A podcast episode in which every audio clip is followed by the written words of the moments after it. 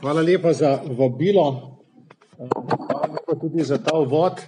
Na nek način bo pa moja razprava, kako bi rekel, antikandidatska. Zdaj le smo v času, ko so evropske volitve, um, kandidatov je cel kup in vsi naštevajo kup problemov, ki jih bi rešili ali pa ki jih je treba rešiti. In uh, moja teza tukaj pravzaprav bo, ja, ne, so problemi, ampak niso tako hudi in tudi rešitve ni treba, da so tako globoke in tako dramatične, kot jih prodajajo iz različnih strani. Dejansko je bilo v, v Bilu povedano in zadnje čase poslušamo, kako, v kako hudi krizi je Evropa. In ta kriza, mislim, da ima tri izvore. En izvor je ta, da se seveda vsak predsednik vlade oziroma vsak lokalni politik, to je že zlajnana uh, teza, uh, izgovarja na Evropo takrat, ko mora narediti kaj neprijetnega, kadar gre kaj narobe, takrat, kadar je vse v redu, je pa seveda uh, to njegova zasluga in vse to pobere. To z tega smo navajeni. Druga zadeva, ki se zdaj le dogaja, ki se odpira, ki jo bomo se naposlušali v tej volivni kampanji, je razkorak med obljubami in med tistim, kar potem Evropa v resnici dostavlja oziroma realizira. In seveda bomo zdaj slišali cel kup nekih obljub, ki ne bodo realizirane, morda zato, ker ne, more, ker ne morejo biti realizirane, in iz tega bo potem nastalo novo razočaranje. Skratka, to, dva, to dvoje sta na nek način popolnoma umetna problema, ki, se lahko, um, ki bi se jih lahko rešili. In potem je tretja skupina problemov, o katerih se mi zdi, da je najboljše govoril profesor Petrič. V svetu je cel kup nekih izzivov, ki postavljajo Evropo, Evropsko unijo, posamezne države članice uh, pred določene naloge, ki jih je treba, ki jih je treba rešiti. Jaz sem bil prejšnji teden na Kitajskem in se počutim uh, skoraj nekako tako kot Marko Polo, se mi zdi, ko je prišel tja iz nekih umazanih benetk in je verjetno samo gledal. Ne. Uh, isti vtis, podoben vtis sem dobil tudi jaz. In težava, ki jo vidim, je v naslednjem. Ne. Namesto, da bi se lotili teh problemov, ki so v številnih pogledih, na številne načine pritlehni, praktični, um, ki terjajo pač nekaj politične volje, pa veliko nekega administrativnega napora. Namesto tega bi se vsi zelo radi ukvarjali z nekimi bistveno večjimi temami.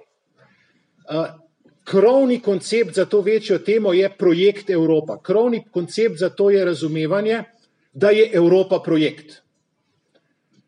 Spode eno nadstropje niže ste morda opazili, da ima kavarna Maxi Market projekt um, razširitve oziroma adaptacije tistega krila, ki gleda tam le proti parkirišču, pol kavarne obratuje, pol je pa zazidane, ker so, ker so tam neki delavci. In zdaj si predstavljamo, veste, če vas slabo postrežejo, če je pripih, če je umazano, um, če dolgo časa traja, da kdo pride, če piha od nekod. Potem je krasen izgor, veste, imamo projekt, če ni dokončano, mi se zdaj bolj ukvarjamo s tem, da bomo tam do konca naredili, kot pa s tem, da boste vi dobili uh, dobro tortico, pa vroč čaj, pa da boste hitro postreženi. Skratka, težava je v tem razmišljanju, da če je nekaj projekt, potem se je bolj plemenito ukvarjati s tem, kako bomo pa ta projekt peljali naprej. Ne? In kaj je bolj plemenitega kot to, da bi v Evropi obnovili idejo, vem, svetega rimskega cesarstva ali pa da bi tukaj ustvarili neko utopično skupnost evropskih narodov. To je bistveno bolj plemenito, kot pa da se ukvarjajo z nekim trgovskim sporazumom z Kamerunom ali pa z ne vem katero državo ali pa z, eh, da se pogovarjajo z nekimi warlordi v Libiji, eh, kako bi ustavil dotok migrantov in tako naprej. No in kolikor imam še časa, bi rad kako bi rekel, raz, razgradil, polemiziral, predstavil, da so nemogoče tri glavne utopije, ki se zdaj le pojavljajo v, v javnem prostoru v zvezi z Evropo, tri glavne, uh, tri glavne projekte. Ne? Prvi tak projekt je socialno pravična unija ali pa utopija socialno pravične unije.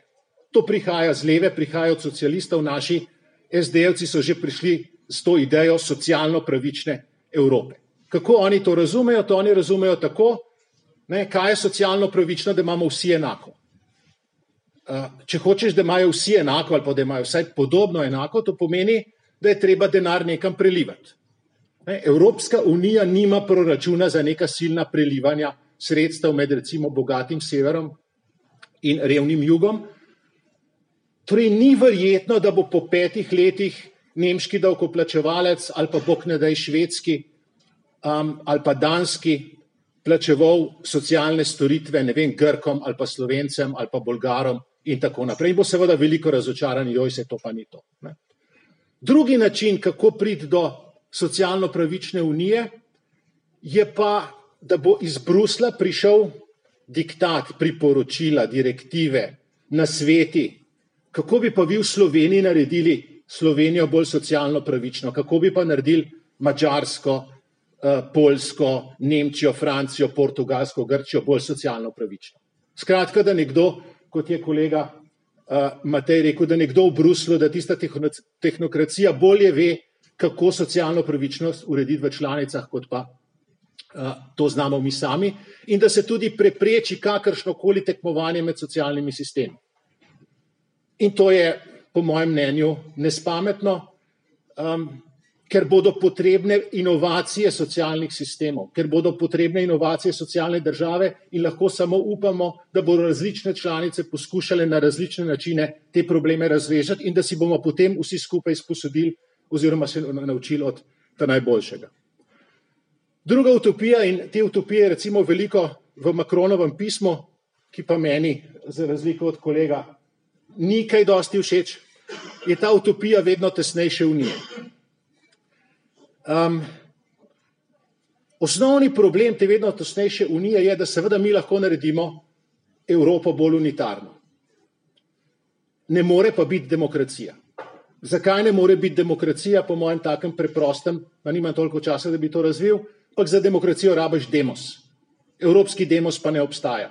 In še dolgo ne bo obstajal, oziroma bo začel obstajati, ko bomo zelo veliko hodili na Erasmus izmenjave, ko bo nastal evropski politični razred, ko bo že skoraj vsak računal na kakšno službo v Bruslu, ko se bomo poročali okrog po Evropi, takrat lahko računamo na eh, to, da bomo imeli evropski demos.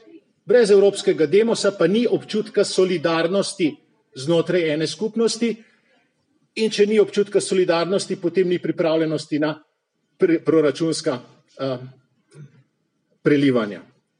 Tako lušen detalj tega Makronovega pisanja, ki me čudi, da je možganskemu trustu, ki ga gotovo Pariz oziroma Elizejska palača ima na voljo, všel, ne, je, da on govori o renesansi Evrope, renesansi, ki gre v smeri združevanja, povezovanja skupnih novih institucij.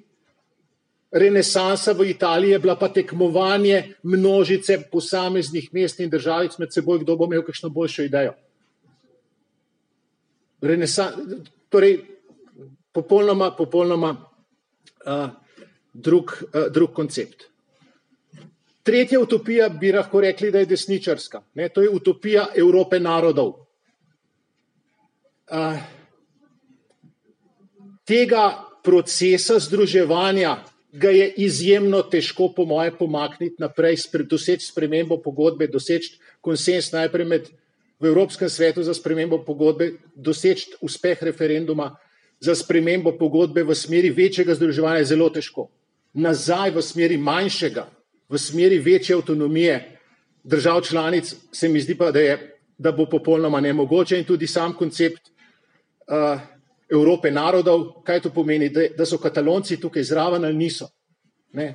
Evropa, tako kot je, oziroma Unija, kot je zdaj postavljena, je to Unija držav članic.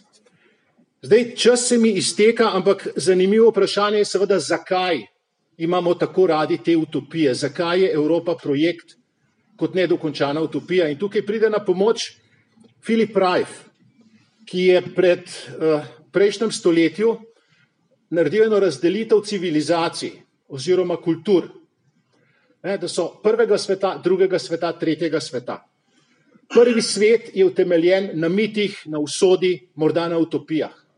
Drugi svet je utemeljen na verah, na religijah.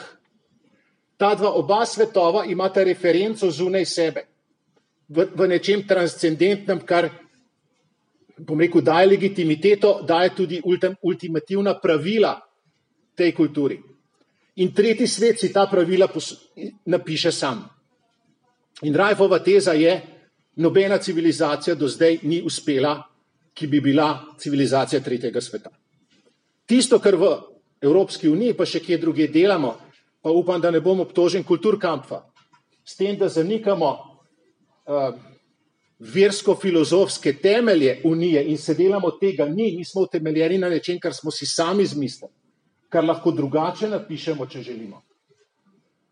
Um, tukaj je problem in morda eden od vzrokov, da iščemo nadomestek za to uh, v tem prvem svetu, ki je utemeljen na mitih, na uh, usodi, na utopijah in tako naprej. Skratka, če zaključam, uh, po mojem mnenju Evropa ni projekt, čeprav je lažje te utopije prodajati, še posebej v volivni kampanji. Um, mašinerija je tam, to uradništvo je sposobno.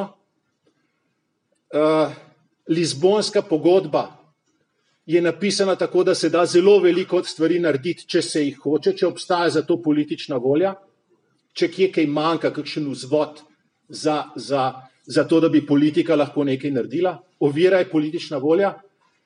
In jaz mislim, da v naslednjem mandatu tisto, kar mora Evropska unija početi, je delati te pritlehne zemljske stvari, tiste probleme nagovarjati, o katerih je govoril dr. Petrič. In uh, pustiti te utopije civilni družbi in intelektualcem in, in uvodnikom in kolumnam uh, in tako naprej. Tako da ni to tako, uh, kako bi rekel, inspirativno, ne, kot če bi vam jaz tukaj razlagal, kako bi mi naredili pa res socialno pravično unijo. Um, ampak to je servis. Ne. Evropska unija je na eni strani servis, na drugi strani je pa ogrodje, ki ga imamo mi kot judovsko-krščanska, razsvetljenska in tako naprej civilizacija. Toliko, hvala lepa.